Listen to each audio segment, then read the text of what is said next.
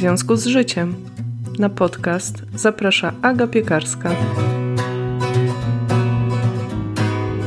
Witam Cię serdecznie w 102 odcinku podcastu, do którego zaprosiłam Monikę Juniewicz-Olejnik, która jest konsultantką kariery, doradcą zawodowym i headhunterką. Monika poprzez swoją stronę, kursy i konsultacje pomaga odkryć swój potencjał zawodowy i znaleźć satysfakcjonującą pracę. I powiem szczerze, ja osobiście od kilku lat korzystam już z tego, co tworzy i pisze Monika. Mam także jej kurs, dlatego bardzo się ucieszyłam, że zgodziła się e, wziąć udział w podcaście.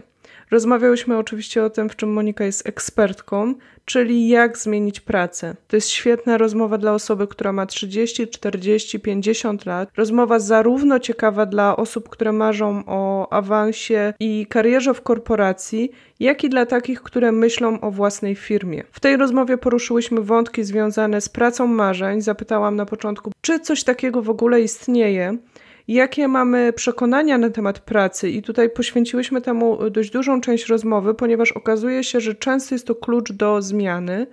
Oraz oczywiście od czego zacząć szukanie pomysłu na nową pracę. Część rozmowy także poświęcona jest temu, czy wybrać etat, czy własną działalność, kiedy praca dla siebie to dobry pomysł, na co warto zwrócić uwagę. Myślę, że bardzo takie wyważone też i dojrzałe spojrzenie od strony Moniki, także mega ciekawa rozmowa. Monika podzieliła się wiedzą, doświadczeniem, osobistymi historiami oraz kilkoma super ciekawymi ćwiczeniami. Ja, jak zawsze, dodałam od siebie kilka osobistych historii, oczywiście poza pytaniami. I dla mnie ta rozmowa też była super wartościowa, także nie chcę już przedłużać tego wstępu, ale odsłuchałam ją podczas montażu i na pewno jeszcze wrócę do tej rozmowy i do kilku wątków oraz ćwiczeń, które się tu pojawiły. I jak zawsze jestem bardzo ciekawa, co ty sobie weźmiesz z tej rozmowy, który wątek z tobą zarezonuje. Jak zawsze bardzo serdecznie namawiam do tego, żebyś podzieliła się własnymi przemyśleniami. Możesz to zrobić albo w komentarzu na stronie odcinka w związku z życiem.pl łamane przez odcinek 102, albo na Instagramie moje konto to Agnieszka 3 podkreśniki piekarska.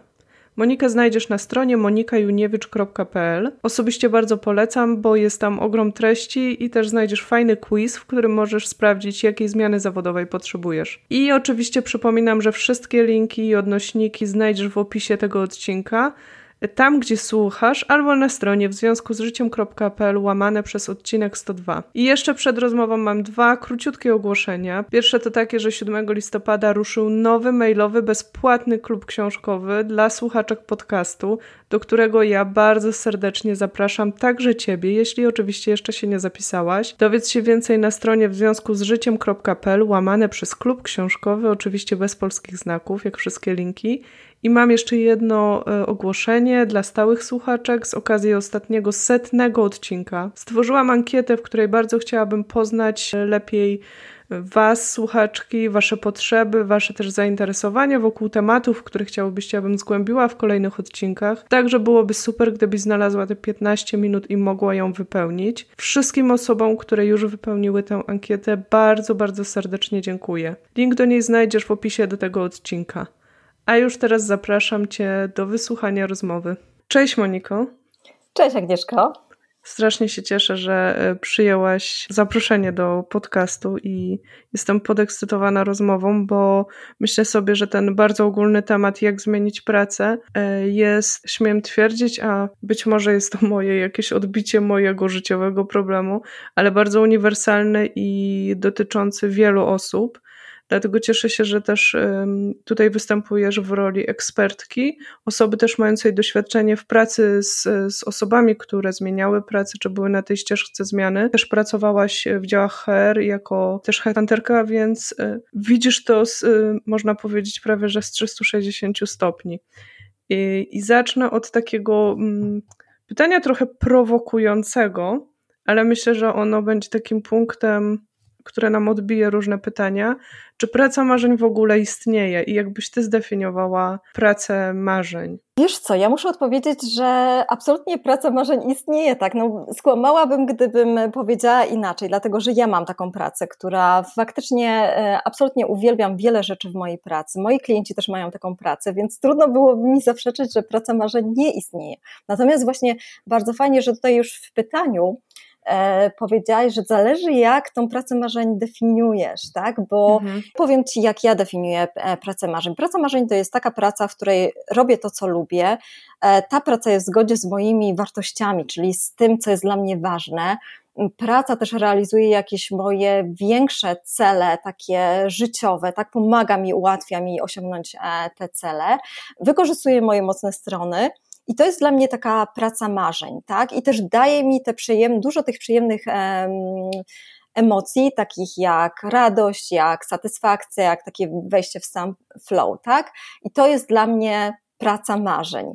Natomiast jeżeli ktoś definiuje pracę marzeń jako taką pracę idealną, jako takie idealne dopasowanie, jako taki jeden, jedyny zawód, jedno, jedno zajęcie, tak, które do mhm. mnie jest idealnie dopasowane, no to obawiam się, że może tu natrafić na rozczarowanie, dlatego że nasz potencjał, czyli nasze umiejętności, nasza osobowość, nasze doświadczenia, mocne strony wartości i tak dalej, powodują, że to jest taka mieszanka mm, nieskończonych możliwości, tak? I my możemy znaleźć to dopasowanie w wielu zawodach, w wielu zajęciach i często się fiksujemy na tym jednym zawodzie, zajęciu, a jakby nasz potencjał daje nam możliwości wykorzystywania naszych umiejętności, mocnych stron, wszystkich cech w przeróżnych zajęciach i zawodach, tak? Nawet mówi się o tym, że jeżeli ktoś ma takie nastawienie, e, że szuka takiego, wiesz, idealnego połączenia, jednego, czasami jest takie, wiesz, e, przekonanie, że no mam, gdzieś tam jest dla mnie idealne zajęcie, idealny zawód, no to bardzo często mają, ja uważałabym na to, dlatego że bardzo często te osoby mają w ogóle takie przekonanie o tym, że życie, nie tylko praca, ale też życie powinno być idealne, że partner, szukamy idealnego partnera, idealnego domu, idealnego samochodu i tak dalej. E, a to powoduje, jakby z, z badań wynika, że często takie osoby w momencie, kiedy natrafiałam jakieś trudności, a wiadomo, że te trudności zawsze, jak wchodzimy w nową branżę, czy tam w nowe zajęcie, zawsze się pojawiają. Nawet w pracy marzeń? E, tak, tak, nawet w pracy marzeń. E, co ciekawe, właśnie no wtedy się rozwijamy, tak? W momencie, kiedy e, rzeczywiście doświadczamy tego e, dyskomfortu, ale ten dyskomfort musi być tak, wiesz, na miarę naszych jakby kompetencji, bo jeżeli wyrasta mocno poza, to jesteśmy w jakiejś tam strefie, w której zaczynamy się wycofywać, tak? Więc wracając do tego, że jeżeli takie osoby na, natrafiają na jakieś przeszkody, trudności, to on, one bardzo często e, przyjmują te wskazówki jako coś takiego, że e, no, no może się nie nadaje do tego, no widocznie to nie jest moja droga, no widocznie to nie jest dla mnie e, ten, ten kierunek. I po prostu rozumiem jako e, takie wskazówki, które mówią mi o tym, słuchaj, zawróć z tej drogi, tak? E, poszukaj czegoś innego, gdzieś tam jest coś lepszego dla ciebie, tak? E, I to może utrudniać im później rozwój, czyli takie radzenie sobie z trudnościami, radzenie sobie z wyzwaniami, które się pojawiają zawsze i praktycznie w, u każdego w życiu, czy to zawodowym, czy to osobistym. I to powoduje, że nie budujemy tej wytrwałości, nie budujemy tej naszej takiej odporności też e, psychicznej, która bardzo nam też pomaga sobie radzić e, z trudnościami w ogóle, e, czy to w sferze zawodowej, czy to w osobistej. I Czasami też wskazujemy się przez to na takie wieczne rozczarowanie, to, że no znowu to nie to, e, że tutaj no muszę poszukać czegoś innego, szukamy czegoś idealnego, co nie jest możliwe w życiu, no bo nie ma ani idealnej pracy, ani idealnego, wiesz, partnera, ani idealnego domu. Może jakieś kryteria dla nas ważne spełniać i warto, żeby to spełniało. Natomiast jak my mamy 130 kryteriów, tak, długą listę tych kryteriów, no to wiadomo, że tutaj nie będzie wszystko y, jakby w 100% spełnione. W każdej pracy są jakieś aspekty, które będą powodować u, u nas no takie mm, niechęć tak, do robienia pewnych rzeczy. Tak. Nawet ja w swojej pracy mam mnóstwo rzeczy takich, których po prostu nie lubię. No, we własnym biznesie jest to o tyle łatwiej, że można to delegować, tak, na etacie już trochę trudniej. ale ogólnie będą też takie rzeczy, które nie będziemy chcieli robić albo które będą powodować w nas dyskomfort, ale bardzo często te rzeczy są też potrzebne w tej pracy po to, żebyśmy się rozwijali, po to, żebyśmy wychodzili z tej naszej strefy komfortu, która powoduje, że my stoimy w miejscu i w pewnym momencie już się po prostu nie rozwijamy, tak? Czyli praca marzeń istnieje, jeśli te kryteria są zgodne ze mną, z, z moimi wartościami, zainteresowaniami, realizują moje jakieś tam większe cele, e, moje aspiracje też zawodowe, e, mogę wykorzystywać e, mocne strony, to jak najbardziej tak, tak? Natomiast jeżeli mamy jakieś idealistyczne wyobrażenie o tym, że znajdę ten zawód i później będę, mm, jakby moja ścieżka będzie po prostu idealnie się toczyć, wszystko będzie po prostu się synchronizować fajnie, wszystko będzie po prostu gładko, e, no to nie oczekujmy temu, bo to skazujemy siebie na, mm, na cierpienie, tak, na rozczarowanie, dlatego że tak nie będzie. Jeśli chcemy się rozwijać, a większość osób, które pragnie zmiany, mówi o tym, że chce satysfakcjonującej pracy, ale chce, żeby ta praca też spełniała to kryterium rozwoju, to jeśli chcesz się rozwijać, to musisz się liczyć z tym, że będą się pojawiać też te emocje takie nieprzyjemne, typu dyskomfort, typu jakieś tutaj obawy, wątpliwości i tak dalej. No właśnie, bo też dwa wątki tutaj mi się pojawiły.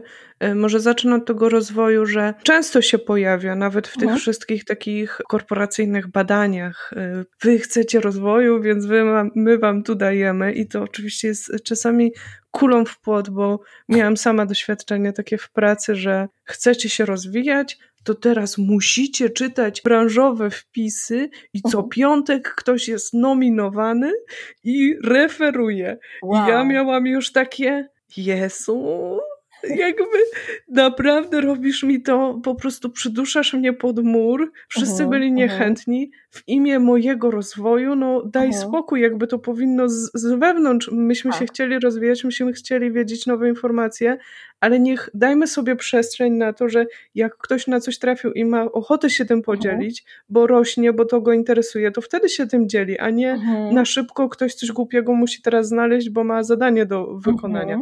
Ale z drugiej strony pomyślałam sobie o tym rozwoju, że tak naprawdę mm, my się chcemy rozwijać, to znaczy, że nie chcemy cały czas robić tego samego, tak? Uh -huh, uh -huh.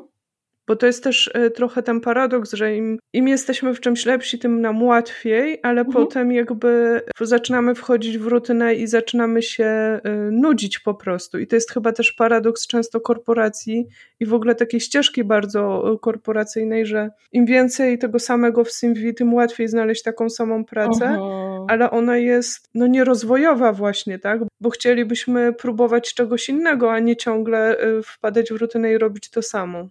Tak, tak. O, trudny temat dla mnie, jeśli chodzi o korporacje, bo ja znam to od, e, jakby pod e, szefki. No, no niestety jest tak, że mm, w takich dużych organizacjach często jest gdzieś tam narzucane. To jest takie uszczęśliwianie czasami pracowników na siłę, tak, że jakby narzucamy jakąś, jakiś format, niekoniecznie zastanawiając się, jakie będą tego konsekwencje. Na przykład tutaj to, co powiedziałaś, no to zobacz, y, jak znając różne talenty i wiedząc, że na przykład w talentach Galupa mamy te cztery domeny, to jeżeli ktoś jest y, świetny w domenie budowania relacji, no to jego nie interesują ciekawostki, tak, jakieś tam branżowe, tak, bo on w ogóle rozwija się, jest świetny w rozmawianiu z ludźmi, a nie po prostu czytaniu, nie wiem, nawiązywaniu kontaktów, jeżdżenia na jakieś konferencje, nie wiem, spotkania z ludźmi i tak dalej. Kompletnie to nie wykorzystuje, jakby narzucanie, wiesz, wizji, która nie pasuje w ogóle do potencjału ludzi, tak, w organizacji.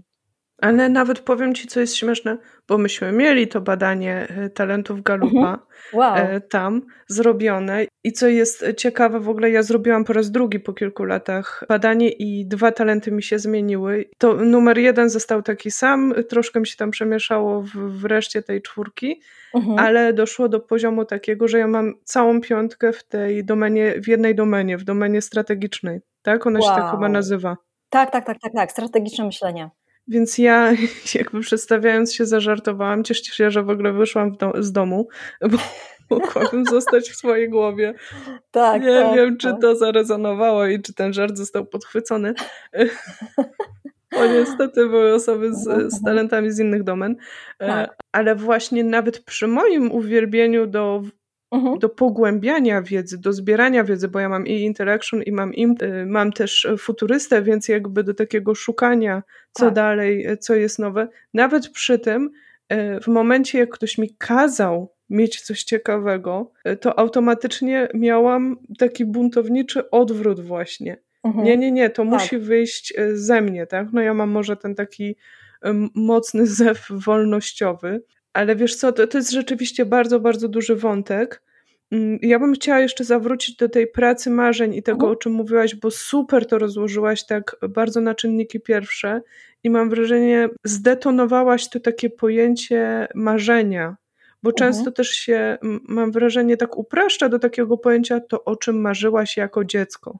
Mhm, Wróć, mhm. jak zapędziliśmy się w tej takiej, powiedzmy, niesatysfakcjonującej karierze, no to teraz wróćmy do tych marzeń jako dziecko, tak? I, mhm. i teraz pytanie, czy rzeczywiście jeśli marzyłam, żeby być, no ja akurat marzyłam, żeby mieć podcast, tylko tego nie umiałam nazwać, mhm. ale pamiętam siebie bawiącą się w wannie i udającą, że e, tam rozmawiam i opowiadam, nie wiem, jakie ładne mydełko mam tu. Patrz, marzyłam, żeby zostać influencerką tak naprawdę.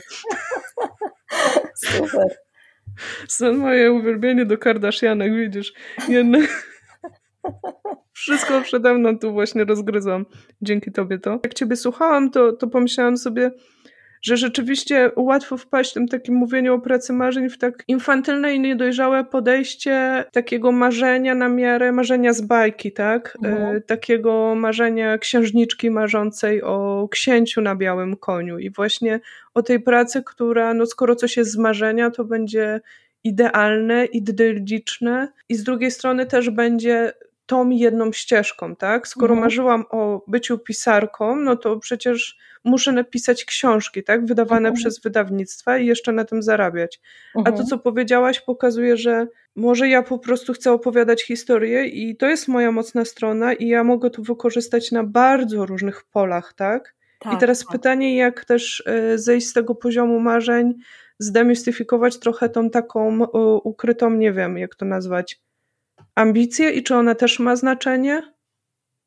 Mm, a co masz na myśli? No bo na przykład myślę sobie, że jeśli ktoś marzył o pisaniu mhm. i, i marzył o pisaniu książek, a mhm. kończy w pracy e, na tworzeniu kontentu dla portalu, Mhm. E, I nie odczuwa do końca tej satysfakcji, chociaż robi to, co jest w zakresie jego mocnych stron, to tutaj też są takie komponenty, no właśnie nie wiem, że gdzieś tam pewnie musiałby jeszcze pogrzebać, co jeszcze jest dla niego ważne, no nie? Czy ta wolność w wyborze tematów, czy prestiż też związany, wiesz, inaczej jest napisać artykuł o pięciu sposobach na gorączkę u dziecka, inaczej napisać Harry'ego Pottera, no.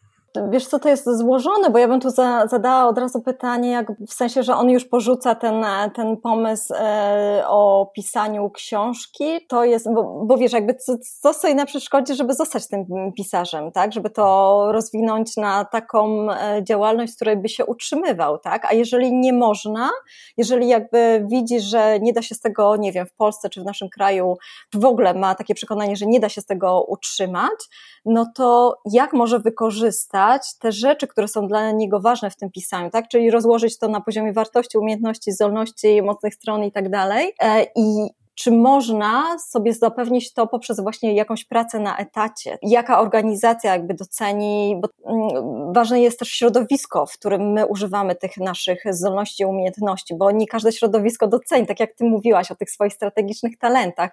Bardzo możliwe, że organizacja, w której e, wtedy, czy w której pracujesz, tak, nie docenia po prostu tego, bo jest skoncentrowana na przykład na wykonywaniu zadań, na realizacji zadań, tak, że musiałabyś przejść do innego działu, w którym ludzie doceniają to, że nie wiem, tam strategicznie myślisz, tak samo człowiek, który pracuje nad tworzeniem treści, no to musi mieć takie środowisko, gdzie będzie, wiesz, doceniane to, co jest dla niego ważne, tak, w tym pisaniu tych książek. Okej, okay, super. Odpowiedziałaś mi na to, to pytanie bardzo konkretnie właśnie, jak to nazwać, gdzie szukać, jak, mhm. jak ten obszar sobie nazwać. Mhm. Bo czasami jest tak, że nie wiemy, jak to nazwać, że czegoś nam brakuje, a my nie wiemy czego, tak? I, i teraz pojawia się no taka pułapka, to znaczy, że w ogóle pisanie nie jest dla mnie i teraz muszę zacząć totalnie od zera i nie wiem, e, poszukać miejsca, gdzie, gdzie się analizuje dane na przykład, tak? I, i wchodzimy w jakąś taką sferę E, zupełnie poza naszym zainteresowaniem i kompetencjami,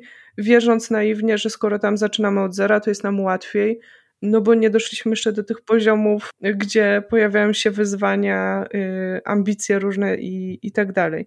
Dobra, ale wiesz co, jeszcze bym chciała teraz pociągnąć trochę wątek przekonań na temat pracy, zanim przejdziemy y, do takiego y, tematu właśnie szukania pomysłu na nową pracę i przekopywania się przez własne obawy też przed zmianą, tak? Bo to jest duży element na etapie zmiany pracy. Czy ty się też spotykasz u swoich klientów też, ale z osobami, z którymi pracujesz, czy też z własnego doświadczenia wiesz, że te przekonania, jakie my mamy na temat pracy, potrafią podkopać w ogóle y, zmianę pracy i, i być taką blokadą totalną, że nie jesteśmy w stanie przejść dalej? Tak, tak. To jest jakby podstawa tych e, blokad, tych takich, wiesz, wszystkich przeszkód, e, które się pojawiają na naszej, na naszej drodze. No, dużo rzeczy byśmy osiągnęli, gdybyśmy e, zupełnie z innego jak punktu myślenia, tak, wychodzili, tak. No bo jeżeli masz przekonanie, zobacz, jeżeli masz przekonanie, ja bardzo często się tym, z tym spotykam, że ktoś przychodzi do mnie i mówi, słuchaj, pierwsza rzecz, którą muszę ci powiedzieć, to ja się po prostu nie nadaję do prowadzenia własnego biznesu, także chcę rozmawiać tylko o, o zajęciach, które będę mogła wykonywać na etacie. Tak jakby tutaj w ogóle nie poruszamy tematu własnego biznesu, nie? Jeżeli ty masz takie przekonanie, że się nie nadajesz do tego biznesu, no to nie będzie z ciebie przedsiębiorcą, no bo wiesz, to będzie ci utrudniać praktycznie w pierwszej minucie, w jakiej założysz tą firmę, tak? Mhm. Więc bardzo przeszkadzają. Pierwsza rzecz to jest, jejku, tych przekonań jest taka masa, że ja nawet nie wiem od czego zacząć, tak? Ale zacznę od, e, może od tych, na które warto zwrócić uwagę, bo bardzo często mam takie przekonania, które moim zdaniem są nie chcę powiedzieć, że niebezpieczne, ale trzeba na nie zwrócić szczególną uwagę, bo często mówimy coś takiego, że nie jestem albo jestem. Ja spotykam się z tym, że ktoś mówi, wiesz, w tym biznesie online, E, w którym najczęściej, wiesz, gdzieś tutaj działam i spotykam się z osobami, które też prowadzą biznesy online, że one mówią coś takiego, że ja nie jestem zbyt techniczna, tak? Albo ja nie mogę prowadzić czegoś tam, bo nie jestem zbyt kreatywną osobą, tak? Jeżeli mamy takie przekonanie, które zaczyna się od e, stwierdzenia jestem albo nie jestem, to to wskazuje na to, że to przekonanie jest zakorzenione, bardzo mocno zakorzenione w naszej tożsamości, tego kim my jesteśmy.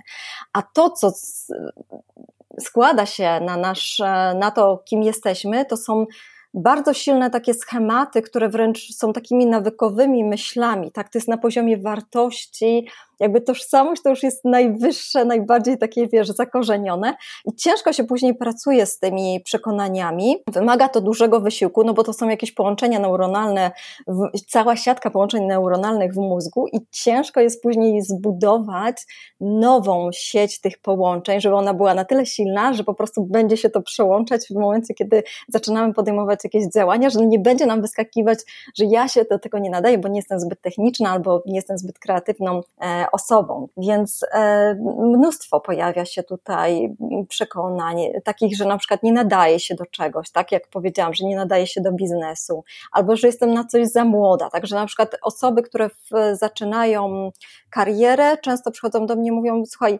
ja bym chciała być team liderem, ale nie wiem, uważam, że jestem jeszcze na to za młoda, bo mam tylko trzy lata doświadczenia zawodowego i nikt mi tutaj nie da tej roli um, kierowniczej, tak? I wiesz, jak masz takie przekonanie, no to oczywiście za tym idą całe wszystkie tutaj działania, tak, że nie aplikujesz na takie stanowiska, że nie zgłaszasz się jakby do projektów, w których mogłabyś ćwiczyć te swoje umiejętności przywódcze, nie korzystasz ze szkoleń i tak dalej, tak, czyli za tym idą jakieś tam określone działania, tak samo jak to określenie, że jestem za stara już na zmianę zawodu, tak, no to wiadomo, że to ci będzie strasznie utrudniać tą zmianę, wiesz, jak napotkasz tylko jakiekolwiek trudności, wątpliwości, to będzie to wracać, tak? Bo mózg będzie wyszukiwał, wiesz, jakby dowodów na to, tak, jesteś za stara, tak, zobacz, tutaj próbujesz coś robić, jesteś za stara, tak?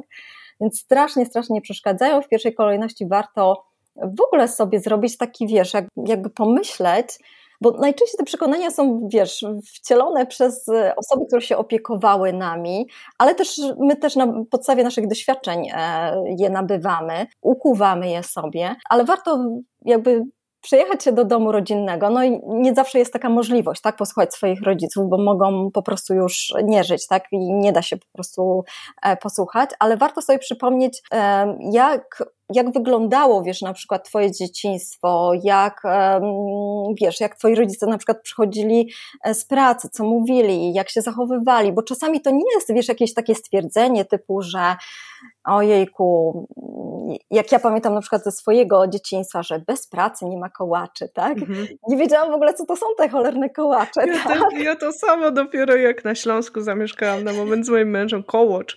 Całkiem dobre ciastko, no teraz rozumiem. No, no właśnie, ale wiesz, jako dziecko to nie rozumiesz w ogóle, co to znaczy, ale po prostu to jest powtarzane. Ja pamiętam, że w szkole to gdzieś było Było w podręcznikach. No, no ja właśnie. pamiętam czytankę w podręczniku, której myśl przewodnia była chytry traci dwa razy. O!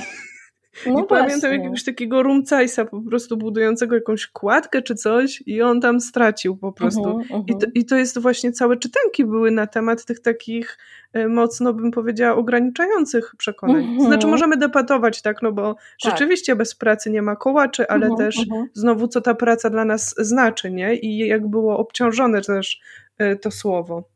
Tak, tak, tak. Dla mnie to ja wyniosłam takie, wiesz, przekonanie, że ty musisz się urobić, tak, żeby po prostu mieć jakiś owoc tej, e, tej pracy, tak? Więc mi się to kojarzyło jakoś z ciężką pracą, nie wiem dlaczego. Dokładnie. Ja też to mam zapisane właśnie, tak na szybko sobie wokół tego tematu wypisałam i dla mnie to są e, właśnie przekonanie, że praca jest ciężka, praca mhm. jest poważna i praca jest dla pieniędzy. Mhm, Czyli mhm. to są te trzy nadrzędne e, po prostu wartości, tak? Tak, tak. I wiesz, y, takie przekonanie, że na przykład, żeby osiągnąć sukces, to musi się ciężko napracować, że sukces przychodzi z ciężką pracą, powoduje, że my popadamy w wypalenie, tak? No bo ja do pewnego momentu miałam takie przekonanie, że ja muszę ciężko pracować na sukces, a ciężko pracować to jest wtedy, kiedy ja czuję się zmęczona, wiesz, tak fizycznie po prostu mm. padam tak wieczorem i Boże, ile ja się napracowałam, tak, to dzisiaj po prostu miałam taki dzień, to już jestem bliżej tego sukcesu, tak, w ogóle to nie ma nic wspólnego, tak, z, z sukcesem, bo to nie chodzi o to, żeby się urobić, tylko żeby robić właściwe rzeczy, tak, te, które właśnie składają się na to, co chcemy osiągnąć, a nie, żeby, nie wiem, zmęczyć się fizycznie w tej pracy, bo można pracować i y, wiesz, fizycznie wiele godzin i, i, nic z tego, wiesz, w ogóle to się nie przełoży na jakikolwiek e, owoc, czy jakiś rezultat, czy biznesowy, czy finansowy. E, więc takie przekonania mogą utrudniać samo pojęcie to, że, że praca powinna dawać satysfakcję, właśnie te takie przyjemne emocje. Dwa, takie przekonanie, że praca to jest obowiązek. Często, kiedy jesteśmy właśnie w, w takiej frustrującej pracy, to często mamy gdzieś tam w głowie zapisane, że no, chodzimy do pracy po to, żeby zrobić swoje, że to jest taki obowiązek, że tutaj nie ma przyjemności, nie ma zabawy, nie ma takich przyjemnych właśnie emocji.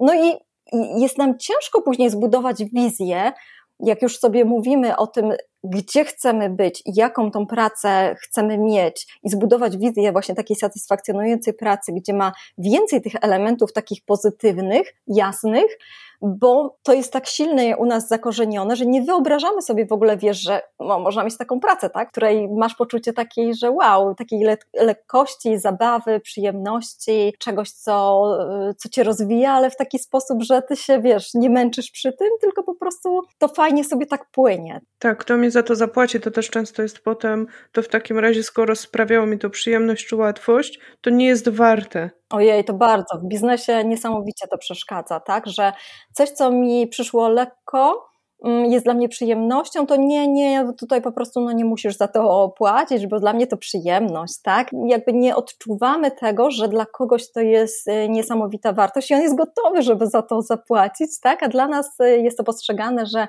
ojejku, jeżeli to przyszło nam z taką łatwością, no to nie jest to warte, nie ma to wartości jakby takiej finansowej. Tak, no i to jest takie błędne koło wtedy, bo po pierwsze to też e, deprecjonuje wartość tego, co dajemy, bo czasami zauważyłam, zwłaszcza przy miękkich kompetencjach, ktoś potrzebuje zapłacić, żeby poczuć wagę czegoś, co otrzymał. Głupi przykład będzie. Znaczy głupi, nie głupi. Jakiś czas temu zapisałam się na kosmogram, czyli to, że ktoś mi y, czytał mój horoskop urodzeniowy. Zapłaciłam za to bardzo dużo pieniędzy i nie usłyszałam nic nowego o sobie co potwierdziło jakby y, prawdziwość tego kosmogramu, ale pomyślałam sobie, że jestem w takim punkcie, w którym zrobiłam już test Galupa po raz drugi. Koleżanka kiedyś zrobiła mi portret numerologiczny. Jakby jestem przebadana na te wszystkie możliwe y, osobowościowe rzeczy. Dość dobrze siebie już znam przecież, bo też pracuję na terapii nad tym wszystkim, a jednak potrzebuję zapłacić komuś jakąś sumę pieniędzy, żeby poczuć wagę tych informacji i żeby potraktować je serio. I mam czasami wrażenie, że paradoksalnie jak komuś, nie wiem, wyświadczymy przysługę za darmo, to, to, to ona nie będzie miała tej wartości i wchodzimy w takie błędne koło, to nie ma wartości, nikt nie chce zapłacić, tak? I mhm, wtedy mhm, mhm. widząc kogoś, kto za to bierze pieniądze, mamy jeszcze taką, nie wiem, złość, czy poczucie też e, krzywdy, czy jakąś taką zazdrość, jak on śmiał. Zamiast sobie zbudować to przekonanie, że to jest wartość dla innych ludzi i gdzieś tam wzmacniać właśnie to, że być może my jesteśmy w błędzie, a nie cały świat to jest po prostu wyjątek, co się gdzieś pojawia wbrew naszym przekonaniom. Mm, dokładnie. No, wraz z ceną idzie zaangażowanie, wraz z ceną idzie też postrzeganie tej wartości. Nie wiem, czy znasz te przykłady, wiesz, że tam ludzie próbowali wina i tam było tanie wino, tak, mhm. z wyższą ceną i wszyscy powiedzieli, no jest najlepsze wino, tak, tylko dlatego, że po prostu tam była cena e, wysoka, tak, więc my, no, my wpadamy w takie, nasz umysł, to wynika z tego, jak, jak funkcjonuje nasz, e, nasz umysł, jakimi szybkimi skrótami gdzieś tam próbuje oceniać pewne rzeczy, no i niestety tak jest też, e, jeśli chodzi o, o kwestie taki, wiesz, pomagania innym, E, i wyceniania swojej pracy i też nam się wydaje, że wiesz, jeżeli coś jest e, tańsze, no to jak więcej ludzi przyciągniemy do siebie, a to w ogóle nie jest prawda, bo ludzie po prostu nie widzą w tej wartości. Jeżeli to jest mhm. takie tanie, no to w ogóle ja sobie nie zawracam tym głowy, to ja wolę sobie, nie wiem, pójść do kogoś, kto ma tutaj konkretną cenę, najwyższą czasami na rynku, tak, i ja wiem, o, to jest specjalista, tak, bo jak ma odwagę, żeby mieć tak wysoką cenę wśród wszystkich osób, tak, no to znaczy, że no, to jest ktoś, kto jest pewny swoich kompetencji, swoich umiejętności i ta osoba jest w stanie mi pomóc, nie? Mhm. A powiedz mi jeszcze o tych przekonaniach. To jest do zmiany? Takie rzeczy, o których mówiłaś, właśnie takie bardzo, bardzo tożsamościowe. Czy już sama świadomość tego yy, i taka uważność na to, że okej, okay, mam takie przekonanie na przykład, że nie wiem, jestem za to, na to za młoda, ale pomimo tego będę próbować z taką otwartością, żeby dawać sobie te szanse i żeby zobaczyć, jak to wyjdzie.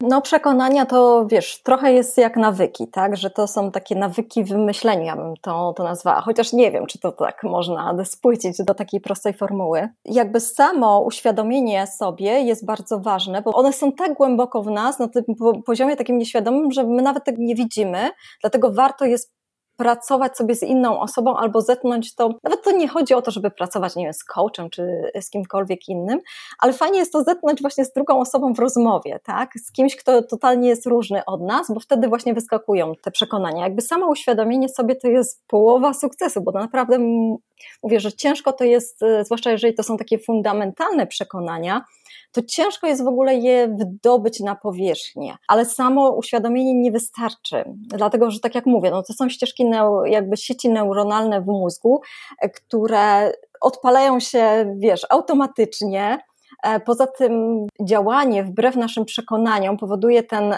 dysonans taki, który jest bardzo takim niekomfortowym doświadczeniem, powoduje, że my ciągle szukamy dowodów na to, żeby to przekonanie było prawdziwe, tak? Jeżeli masz przekonanie, że jestem za młoda czy za stara, tak? No to twój mózg będzie automatycznie, jak ty przygotowujesz się do tej zmiany, to on będzie automatycznie wyszukiwać sobie, wiesz, takich dowodów na to, że tak, masz rację, jesteś za stara, tak, zobacz tutaj, patrzysz sobie ogłoszenia i tutaj wymagają do młodego zespołu, tak, no to, no nie, mhm. no ja jestem za stara, tak, dobra, to, to już tutaj nie aplikuję, tak, no widzisz, jak to działa tak, że wyszukujesz te dowody, więc, żeby pracować z przekonaniami, no to jest mnóstwo, mnóstwo narzędzi szybkich i takich, e, ja jednak jestem zwolennikiem Można próbować, tak, bo tutaj można zastosować hipnozę, tak, bardziej takie odjechane bym powiedziała, które, wiesz, jednym posiedzeniem można wpłynąć na te, na te przekonania. Jest mnóstwo takich też e, terapeutycznych, jakichś szybszych e, sposobów na to, żeby te przekonania tutaj rozkruszyć, ale łatwiej jest po prostu zastępować te przekonania, tak, bo jakby zbudować sobie nowe przekonanie. E, I to nigdy nie jest tak, że zaczynamy od przekonania, które jest takim kontrprzekonaniem. W sensie, jak masz przekonanie, że mm, jesteś na coś za młoda, za, za młoda na to, żeby być, nie wiem, kierownikiem ludzi, którzy są być może starsi od ciebie, no to takim przekonaniem, właśnie zastanawiam się, jak tutaj to sformułować. W każdym razie trzeba znaleźć e, mhm. przekonanie takie pomostowe, które mówi o tym, że mam na przykład wystarczające umiejętności na to, żeby zarządzać na przykład zespołem, tak? Nie wiem, tam trzyosobowym, pięcioosobowym i tak dalej e, nie odnosimy tego do siebie, tak? E, w sensie takim, że ja nie jestem wystarczająca, że, że mhm. ja jestem wystarczająca, by być tym, tym liderem, tylko że do swoich umiejętności, tak, żeby to nie kierować znowu do swojej tożsamości, tylko raczej tutaj budujemy to przekonanie tak, żeby ono było skierowane na umiejętności. Ale to musi być prawdziwe, to musisz w to wierzyć, bo jeżeli nie będziesz wierzyć, no to tutaj nic z tego nie będzie, dlatego że kolejnym etapem jest działanie z punktu wiary w to przekonanie. Więc jeśli masz przekonanie, że mam wystarczające umiejętności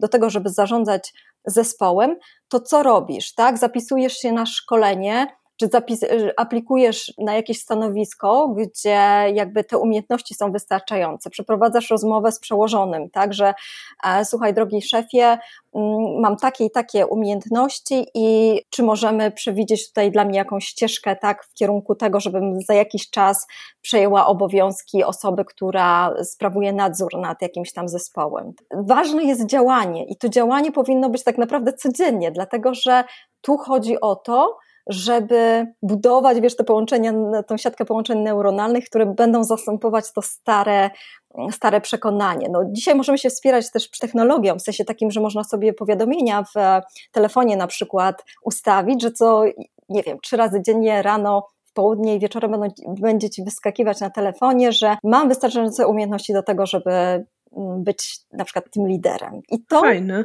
Mhm. Tak, tak. I mało tego warto też y, tą pracę, wiesz, w momencie, kiedy wyskakuje coś, mm, wiesz, takie powiadomienie, to mózg szuka znowu, wiesz, tych dowodów, tak? Więc musi za tym iść też działanie, w sensie takim, że ty nie możesz, wiesz, siedzieć i okej, okay, buduję sobie to przekonanie, ty mi, wiesz, e, tutaj wyskakuje mi w telefonie i fajnie, tylko faktycznie musisz podejmować działania. Okej, okay, jeżeli ja uważam, że ja mam wystarczające umiejętności, no to już coś robię, tak? Jak pojawia się na przykład nowy pracownik w zespole, to podchodzę do mojego szefa i mówię, słuchaj, czy ja mogłabym go wdrożyć, tak? Daj mi na przykład, nie wiem, dwa tygodnie, ja go wdrożę na przykład tutaj w nasze wszystkie, nie wiem, polityki, oprowadzę go po firmie i takie zrobię małe wdrożenie i to już jest jakby takie, wiesz, wchodzenie trochę w kompetencje osoby, która no, może sprawuje jakiś tam taki nieformalny nadzór nad kimś, kto potrzebuje być może takiego, wiesz, wsparcia, tak bardziej dyrektywnego. Bardzo ważne jest podejmowanie jakby działań, tak? Bez tego po prostu się nie zbuduje tutaj e, tego przekonania. No i jak już jesteśmy gotowi, no to idziemy w stronę tego, że no jestem gotowa na to, żeby po prostu być tym team liderem, tak? Bo masz już zgromadzone wystarczająco dużo dowodów dla twojego, wiesz, mózgu, że faktycznie jesteś na to gotowa. Super, super to też rozłożyłaś na takie czynniki pierwsze, y, też w takim środowisku bardzo pragmatycznym właśnie, bo myślę sobie, że często się też o przekonaniach mówi y, w takim bardziej środowisku totalnej zmiany czegoś, no nie? A tutaj ba bardzo fajnie to rozłożyłaś. Mam, nie wiem, kilka osób w, w głowie od razu, które mogą sobie y, to zaaplikować, czy nawet pomyśleć sobie o tym, że czasem nie zdajemy sobie sprawy, że już robiąc coś, jesteśmy bliżej, bliżej czegoś, na czym nam zależy, tak? I właśnie zmieniamy to przekonanie. U mnie bardzo dobrze też się sprawdza takie nasączanie się przykładami, czy osobami, które mnie inspirują, ale musi ich być dużo, czy one muszą być relatywnie też bliżej mnie niż, mhm. nie wiem, e, Richard Branson, który tak, tak, tak. Inspiruje tak mnie, mhm. że można tworzyć udany mhm. biznes pod hasłem screw it, let's do it, tak? I totalnie poza konwencjonalnymi firmami, no bo jednak jest to ba bardzo odległa historia, bardzo odległy też. E, można powiedzieć, że zawsze mogę sobie powiedzieć, niby mnie inspiruje, a jednak być może jest to wyjątek potwierdzający regułę, według której ja mam jakieś tam e, przekonanie. Super, no to bardzo ciekawy temat. Myślę, że tu można by, by jeszcze drążyć, ale myślę, że słuchaczki już i tak mają e, ogromną inspirację od Ciebie tu. Chciałabym Cię teraz zapytać z takiej pozycji hipotetycznie osoby, która wie, że, e, że czas zmienić pracę. Że zasiedziała się albo jest niezadowolona w swojej pracy. I tu mówimy jeszcze o osobie, która po prostu chce zmienić pracę, niekoniecznie chce się totalnie przebranżowić. Od czego w ogóle zacząć szukanie tego pomysłu na nową pracę? Ale w sensie zmienić e, tylko pracodawcę? No i to jest właśnie pytanie, bo jak chcemy zmienić tylko pracodawcę, to jest relatywnie łatwe. To tak, tutaj możemy sobie zaraz dokładnie. porozmawiać o tym, jak się nie bać zmiany pracy, jak się nie bać zmiany pracy po 10 latach, jak się nie bać zmiany pracy dla wyższej pensji też, bo to, to są takie bardzo y, proste powody i ja też sobie trochę y, robiłam keyword research przed naszą rozmową, bo on jest zawsze bardzo cenny, y, żeby zobaczyć, czego ludzie w Google szukają, no bo gdzie są te potrzeby i często były właśnie też te pytania, jak zmienić pracę po 10 latach, czy, czy warto zmieniać pracę dla wyższej pensji. To są też bardzo wszystko ciekawe tematy, w które może za chwilę wyjdziemy, ale tu myślę sobie o tym, że ktoś y, nie czuje satysfakcji tam, gdzie jest, a niekoniecznie chce robić jakąś taką rewolucję, nie wiem, zajmuje się jakimś jednym wycinkiem, a chciałby się zajmować może dziedziną obok. No i musi sobie ten pomysł znaleźć e, na tą nową pracę, również z nowym pracodawcą, ale patrzę trochę bardziej szerzej niż tylko nie podoba mi się, nie wiem, pensja w mojej pracy, ale jestem świetny w tym, co robię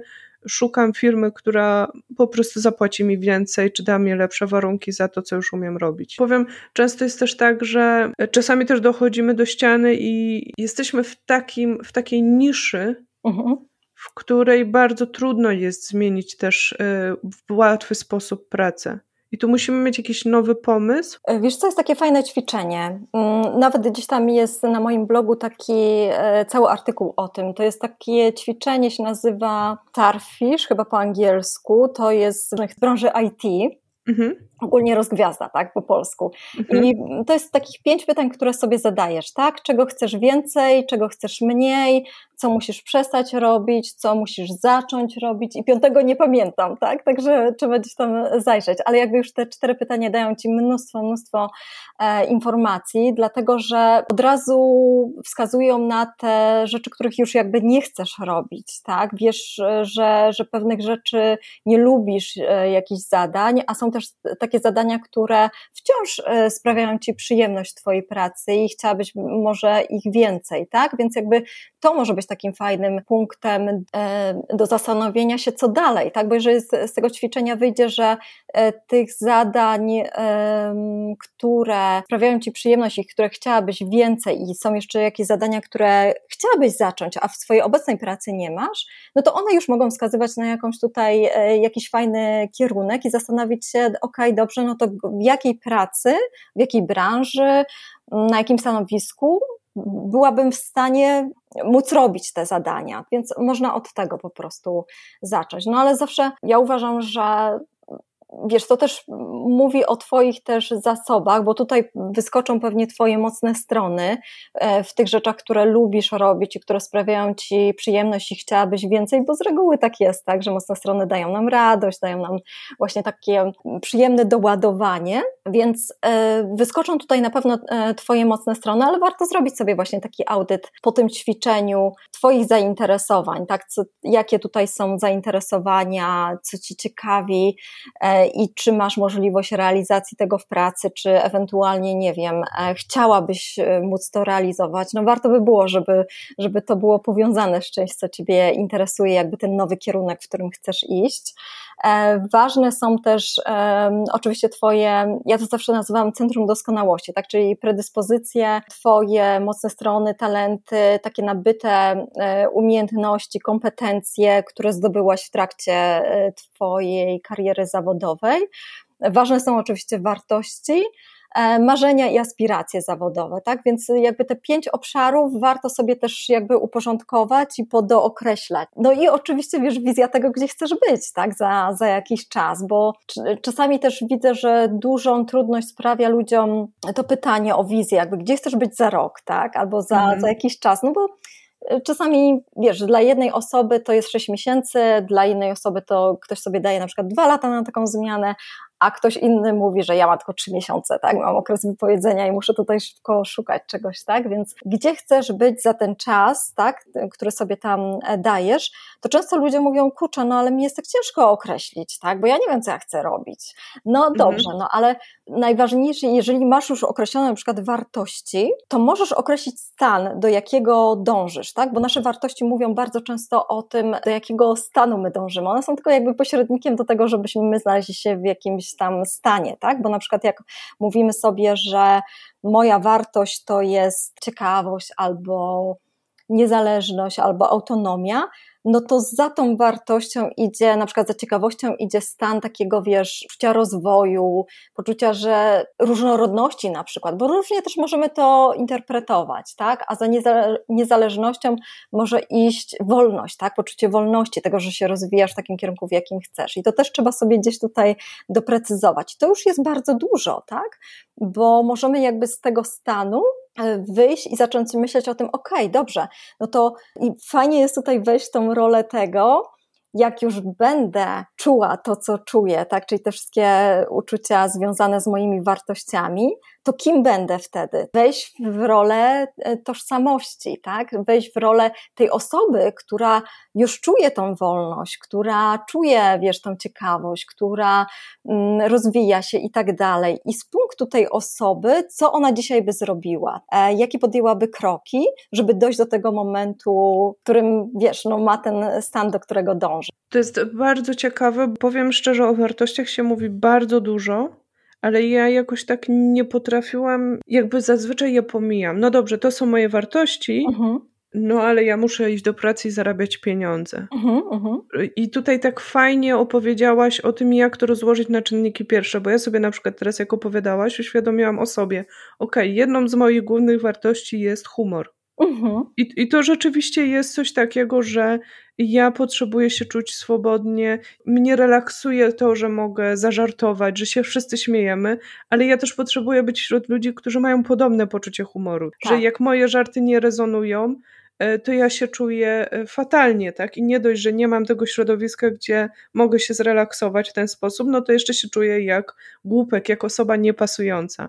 I teraz myślę sobie, że w gruncie rzeczy jest to dla mnie ogromna wartość, jest to dla mnie, za którą idzie ogromna ilość potrzeb, a zawsze ona była odsunięta na bok no dobra, dobra, ale tego nie wkładamy na stół, bo idziemy zarabiać pieniądze. I teraz, no bo praca jest poważna oczywiście. No właśnie. Mhm. I teraz myślę sobie y, o, jakby, że, że tutaj grzebiąc, przecież wystarczy zmienić czasami środowisko, wystarczy zmienić rozmiar firmy, wystarczy przetestować to na rozmowie o pracę, nie iść do, do firmy, nie wiem, do kancelarii prawniczej, tak, tak, tak. Gdzie, mhm. gdzie wszyscy po prostu muszą być poważni. Tylko jakby jest to też nadrzędne dla mnie, gdzie ja bardzo minimalizowałam to. Bardzo fajnie to rozbroiłaś też i pokazałaś, jak z tym sobie popracować na takim poziomie właśnie w momencie, kiedy chcemy zmienić pracę, bo, bo często ta niezgodność z wartościami strasznie uwiera, Mhm. Znam wiele osób, które idą na bardzo duży kompromis w kwestii wartości. No i to wyskakuje później, bo to zgrzyta, to wcześniej czy później gdzieś e, tam wyskoczy. E, w korporacji bardzo tak. często wyskakuje kwestia niezależności czy kreatywności, no bo to nie jest środowisko, w którym, no nie wiem, no mówmy się, że w Polsce te, te korporacje to jest, znaczy to jest dobre środowisko, to jest szkoła życia i są pewne typy osobowości, które świetnie się odnajdują w tym, w tym środowisku, no ale dla takich typów artystycznych, kreatywnych, to często jest to środowisko niezbyt wspierające, ze względu na to, że tak jak mówisz, no są pewne po prostu szablony, schematy, polityki, w które staramy się wdrożyć, no bo to jest, to zazwyczaj są duże organizmy i gdybyśmy każdemu tak pozwalali, wiesz, tutaj um, iść, w którą stronę chce, no to po prostu ta, ta organizacja by się cała rozlazła. To wynika po prostu z jakichś tutaj ram, więc na pewno to nie będzie dobre środowisko, więc szukać sobie właśnie takich środowisk, które po prostu będą wspierały to, bo tak jak mówisz, ten humor, on jest tym, kim ty jesteś, on jest zapisany gdzieś tam, wiesz, w twoim DNA i szkoda by było nie móc realizować tego, tym bardziej, że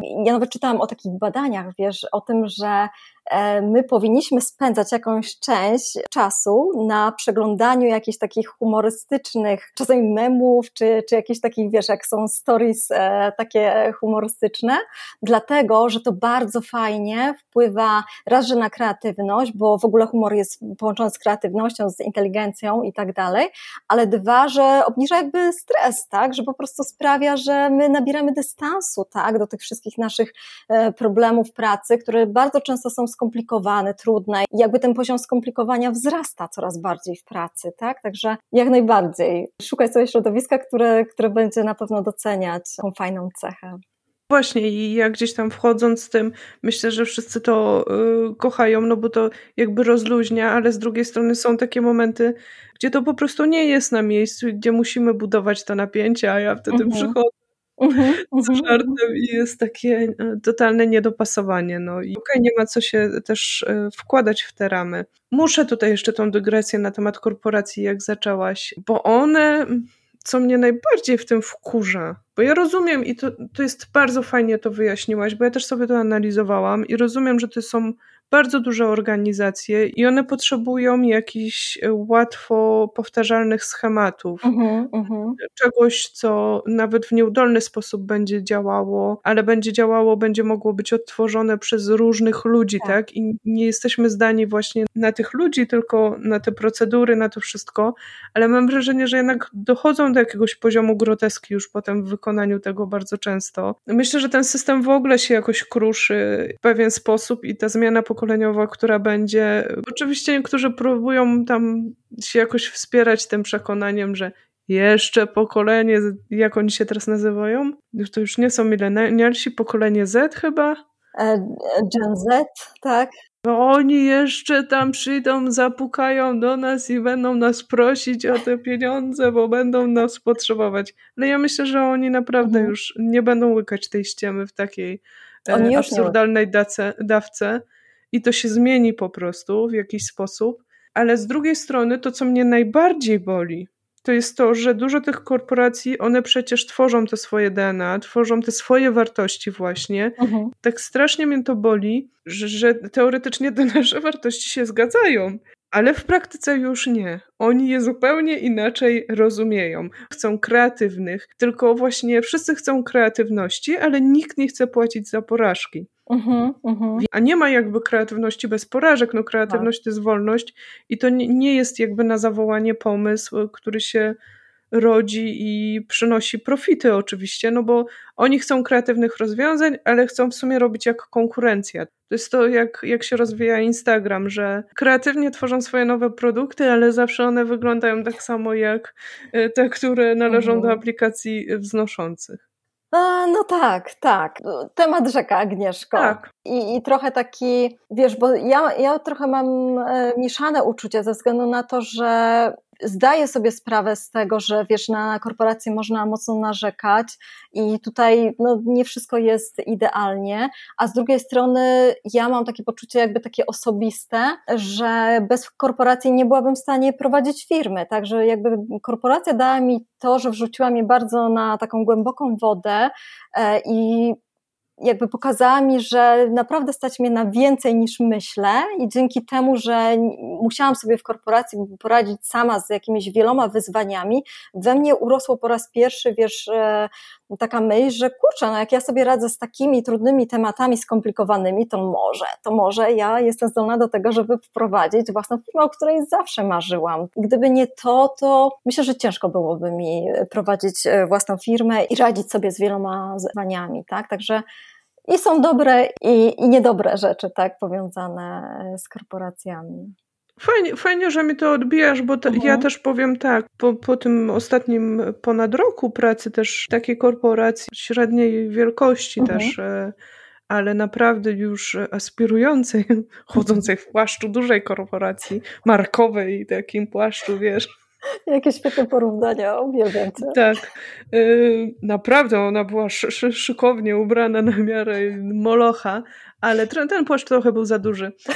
Już nie będę wchodzić w to, ale nie mogę sobie się powstrzymać. Mhm. Ale widzisz, też zmieniłam zdanie i też zmieniłam podejście, bo to nie jest czarno-białe. Mhm. To nie jest czarno-białe i nie można tutaj e, podejść do tego tak, korporacje czy w ogóle etaty są złe, mhm. tylko mhm. własna działalność. Tak, bo tak, są tak, tak, tak. różne mm, etapy w życiu też i różne potrzeby i, I właśnie te korporacje też, e, czy duże firmy, czy w ogóle etat potrafi e, dodać dużo wartości też do naszego życia. Mhm. Więc może trochę jeszcze przy tym temacie się zatrzymamy. Jak masz klientów, to na pewno tutaj dużo się tego tematu pojawia, a może nie. No może nie zapytam cię, kiedy to jest dobry pomysł, żeby przejść na, na własną działalność, ale jakie ty tutaj z własnego doświadczenia z pracy klientami, co było dla ciebie takie mm, ważne w tym temacie? Ja trochę jestem tutaj, wiesz, przez co no i czasami muszę, wiesz, bardzo mocno walczyć też swoimi przekonaniami w pracy z klientami i, i bardzo tak e, się przywoływać do, do porządku, ponieważ ja, e, widzisz, mam takie przekonanie, że własna działalność daje nam możliwość wykorzystania naszego potencjału w pełni. Dlatego, że no nic tak nie rozwija nas, jak e, to, że no, musisz być przedsiębiorcą, podejmować inicjatywę, codziennie wychodzić ze swojej strefy komfortu i to nas najbardziej rozwija, walczyć z wieloma wyzwaniami, czy to zewnętrznymi, czy to wewnętrznymi, tak?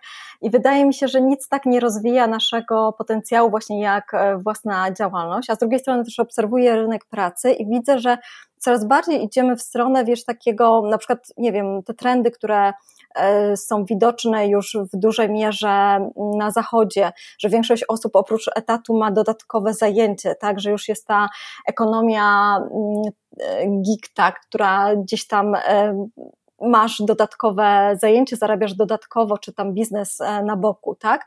I to świadczy o tym, że my w pewnym momencie być może tak się stanie, że każdy będzie musiał mieć, wychodzić z jakąś inicjatywą, mieć te umiejętności takie przedsiębiorcze, bo to po prostu ten rynek się tak zmieni i być może to nam, wiesz, jakby mo może pomóc, tak? Czyli nie jest tak powiedziane, że w pewnym momencie stały etat, ta, ta praca taka długoterminowa u jednego pracodawcy, że to się nie zmieni, bo już to widać w branżach tych takich nowoczesnych, że bardziej się pracuje, wiesz, B2B, na kontraktach, na projektach i tak dalej.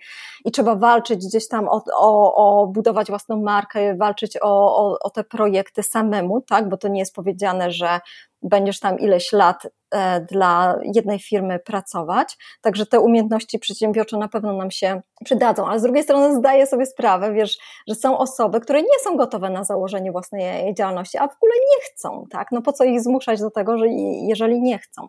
Ale jeśli się pojawi w głowie albo pojawia się kilka razy, że ten, ten pomysł do ciebie wraca, tak, kurczę, fajnie by było mieć własną firmę, albo jak ja czasami słyszę u klientów, że na przykład mówi mi, wiesz co, fajnie by było zostać ekspertem w jakiejś takiej konkretnej dziedzinie, mieć taką namacalną, twardą, wiesz, twarde umiejętności, jakieś takie konkretne, e, które dałyby mi możliwość, wiesz, bycia mm, świetną w jakiejś tam dziedzinie i zbudować markę tego eksperta, a później to w ogóle marzenie to takie, to mieć własną firmę. Ja się zastanawiam, po co czekać, wiesz, ileś tam lat, y, bo to zazwyczaj jest, wiesz, w takiej perspektywie kilkudziesięcioletniej, więc po co czekać na te kilkanaście czy kilkadziesiąt lat, jak można od razu o tym pomyśleć, tak, bo zanim założymy firmę, jest mnóstwo w tej chwili rzeczy, które możemy zrobić, żeby przygotować się tak, do prowadzenia tej firmy. Jakby tak na sucho wiele rzeczy da się zrobić. Tak? Ale już dobra, abstrahując od tego, co zrobić, jak się pojawia właśnie ten pomysł i czy dać mu w ogóle szansę. W pierwszej kolejności dwa pytania, które są ważne. Pierwsze pytanie to jest takie jakby po co chcesz mieć tą własną firmę, tak? Jakby ty, co chcesz sobie dać tą własną firmą? To jest bardzo ważne pytanie i tu za chwilę nam wyskoczą wartości, tak? No bo się pojawi to, że chcę mieć możliwość, wiesz, takiej niepowstrzymanej kreatywności, robić to, co lubię, albo chcę mieć wolność. Często widzę to u osób, które właśnie mają takie doświadczenia korporacyjne, że wiesz, no tutaj mam taki wąski jakby obszar, w którym mogę decydować, a chcę decydować o wielu rzeczach jakby sama, mieć większe pole decyzji. Więc tu jest bardzo ważne określenie czego chcesz, co, co ta firma ma ci dać, jakby jakie potrzeby ma zaspokoić ta firma. No i tu wyskakują te wartości, a wraz z nimi te stany, które po prostu chcemy osiągnąć. Jak już to będziesz miała określone, tylko warto sobie tutaj właśnie to doprecyzować dokładnie, jakby co konkretnie ci to ma dać. To jak sobie to doprecyzujesz, to zadaj sobie drugie pytanie, czy firma to jest jedyny sposób, e, który możesz zrealizować właśnie te wartości. Często jest tak, jak ja rozmawiam z klientami, że słuchaj, okej, okay, dobra, no to masz takie stanowisko, które daje ci taką wolność decyzyjną. Możesz robić to, co lubisz, zarabiasz tyle, ile chciałbyś zarabiać, tak? Możesz realizować te wartości, ale jest to możliwa praca na etacie. To czy wtedy dalej myślisz e, o założeniu własnej firmy? To często słyszę coś takiego, wiesz co, słuchaj, to w sumie ta własna firma nie jest mi potrzebna, tak? No jakbym znalazł taką organizację, która doceni, wiesz, to, co ja chcę robić, da mi taką przestrzeń do tego, żebym, nie wiem, podejmował czy podejmowała jakieś tam decyzje, da mi tą wolność, da mi tą autonomię, to jakby nie potrzebuje tej, tej firmy i nagle ta firma gdzieś tam znika, tak? Więc warto się zastanowić, co ostatecznie chcemy osiągnąć, bo czasami ta firma nie jest potrzebna do tego. Wiemy wszyscy, z czym się wiąże prowadzenie własnej działalności, że to nie, nie są tylko te fajne rzeczy, ale jest mnóstwo, mnóstwo rzeczy, że czasami na początku musimy pracować na 20 etatach, żeby w ogóle coś z tego stworzyć, więc jeżeli jesteś w stanie dać sobie te rzeczy, których potrzebujesz pracą na etacie, temat warty przemyślenia. Super, to to opisałaś, bo też e, mam wrażenie, że, znaczy nie wiem, byliśmy, nie byliśmy, może ja byłam, ale mam wrażenie, był taki moment,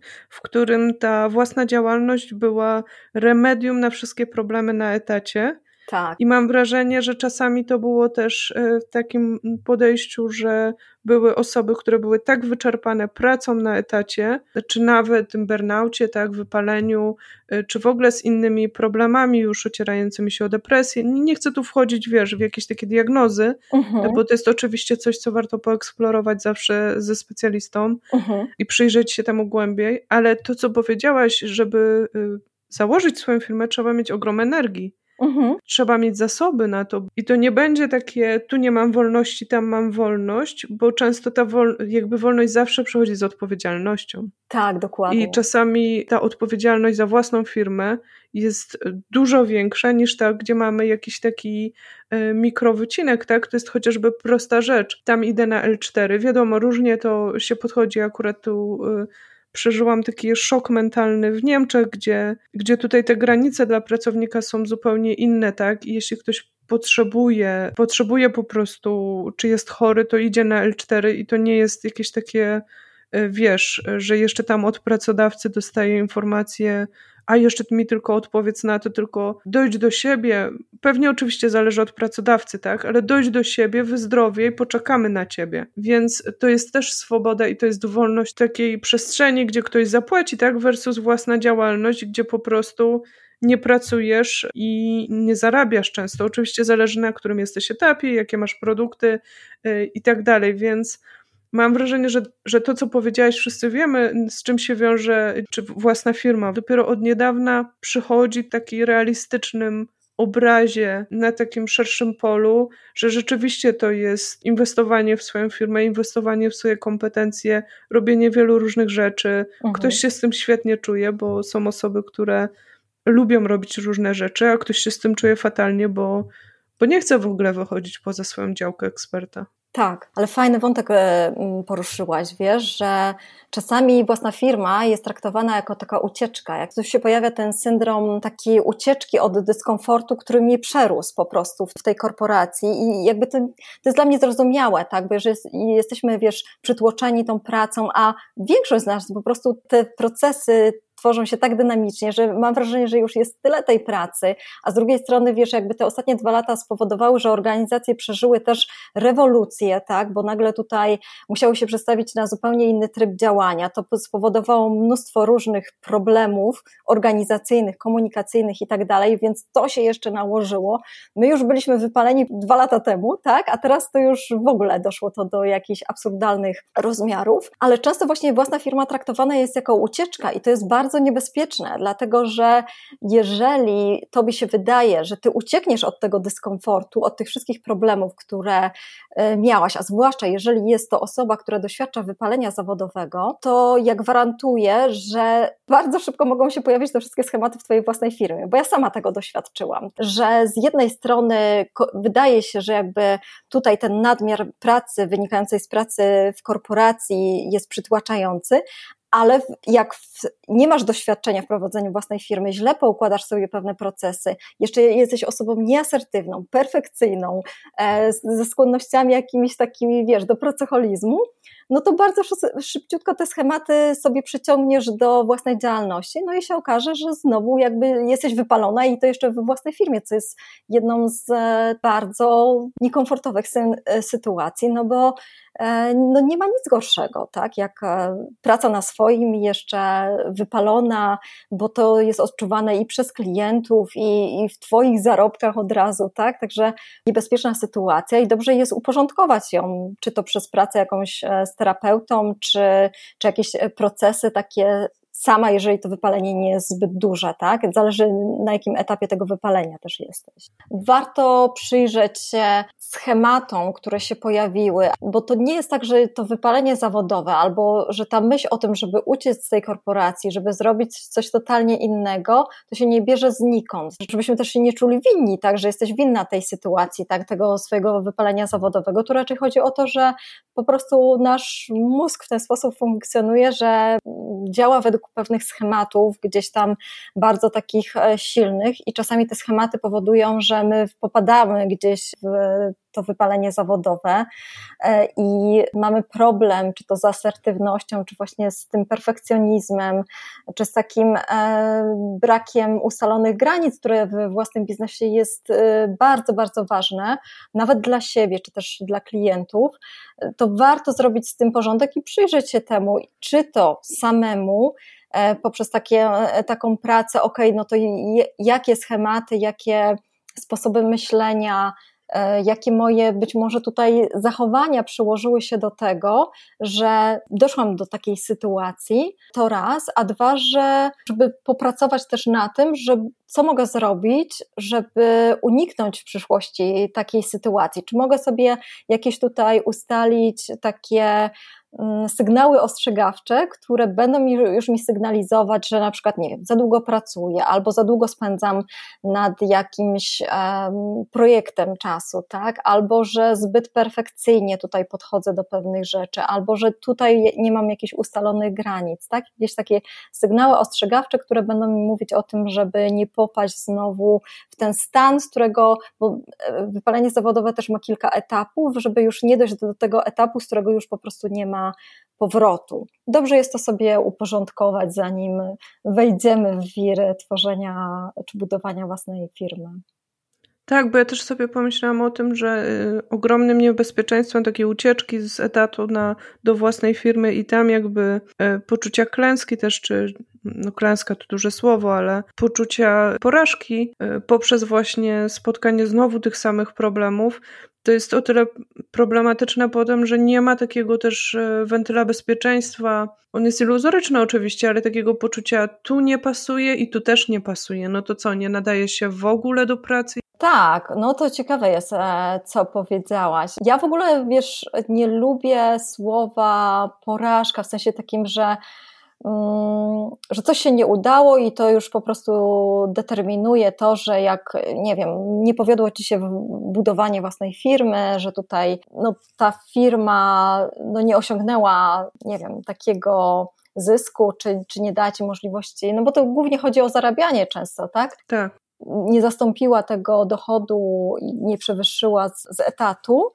no to nie znaczy, że ty się nie, nie, nie nadajesz do tego biznesu, tak? Bo to świadczy tylko o tym, że po prostu może strategie działania, które podejmowałaś albo nie podejmowałaś jakichś działań, były nieskuteczne i tylko tyle to, to e, o tym świadczy, że porażka to, ja zawsze mówię, że to jest informacja zwrotna o, o naszych działaniach, o tym, że czegoś nie zrobiliśmy, albo że być może jakby te działania, które podejmujemy są po prostu nieskuteczne, albo nie jesteśmy konsekwentni, albo nie zrobiliśmy ich wystarczająco dużo, tak, żeby e, osiągnąć. Dlatego nie oszukujmy się, ale zbudowanie prosperującej firmy to nie jest coś, co robimy, wiesz, to nie jest zadanie, to jest ogromny projekt e, i to się buduje tygodniami, miesiącami, a czasami latami, więc nie ma się tutaj co biczować, że się do tego nie nadajesz, tylko y, raczej pomyśleć w kontekście takim, że być może zabrakło mi jakiejś umiejętności. Też sobie szczerze odpowiedzieć na pytanie, czy zrobiłam absolutnie wszystko,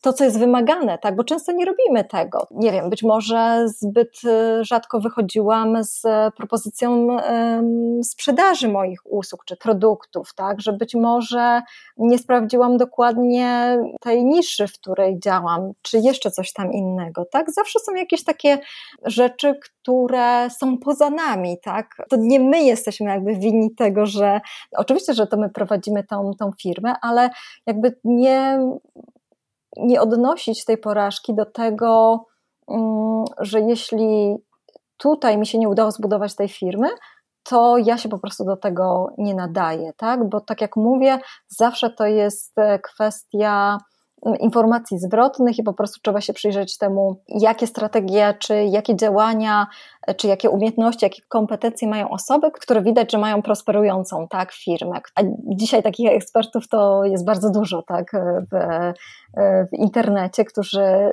otwarcie mówią o tym, ile zarabiają, w jaki sposób zarabiają. Zresztą to też gdzieś tam widać, tak? Są dowody, że też ostrożnie trzeba tutaj do tego podchodzić. Tak. Ale są osoby, które pomagają tak, tworzyć taką firmę i być może, wiesz, czasami trzeba też nie mieć do siebie, wiesz, jakby tutaj, to nic złego, że ktoś ci pomaga w tym e, w budowaniu, tak? Bo czasami po prostu nam brakuje jakiejś kompetencji albo wiedzy, czegoś po prostu nie wiemy. Nie wiemy, że są takie strategie, e, które zapewniają nam właśnie jakby stały dochód i jeżeli nie wiesz, że są takie strategie, no to wiadomo, że tego nie zrobisz, nie wprowadzisz w swojej firmie. Czasami jest pomocny tutaj albo jakiś mentoring, albo wsparcie jakiegoś konsultanta, albo po prostu zewnętrzna pomoc, która ci pomoże zbudować tą firmę w taki sposób i ustawić te procesy tak, żeby to wszystko e, rzeczywiście zarabiało na siebie, tak? I tu nie ma w tym jakiejś twojej winy i nie trzeba się tym biczować. Oczywiście no, w sytuacji takiej, że jak gdzieś tutaj nie zarabiamy, no to warto jest dać sobie odpoczynek, wrócić wrócić na etat, jeżeli jest taka potrzeba, ale nie, nie biczować tym, że coś się tutaj nie udało z naszej winy.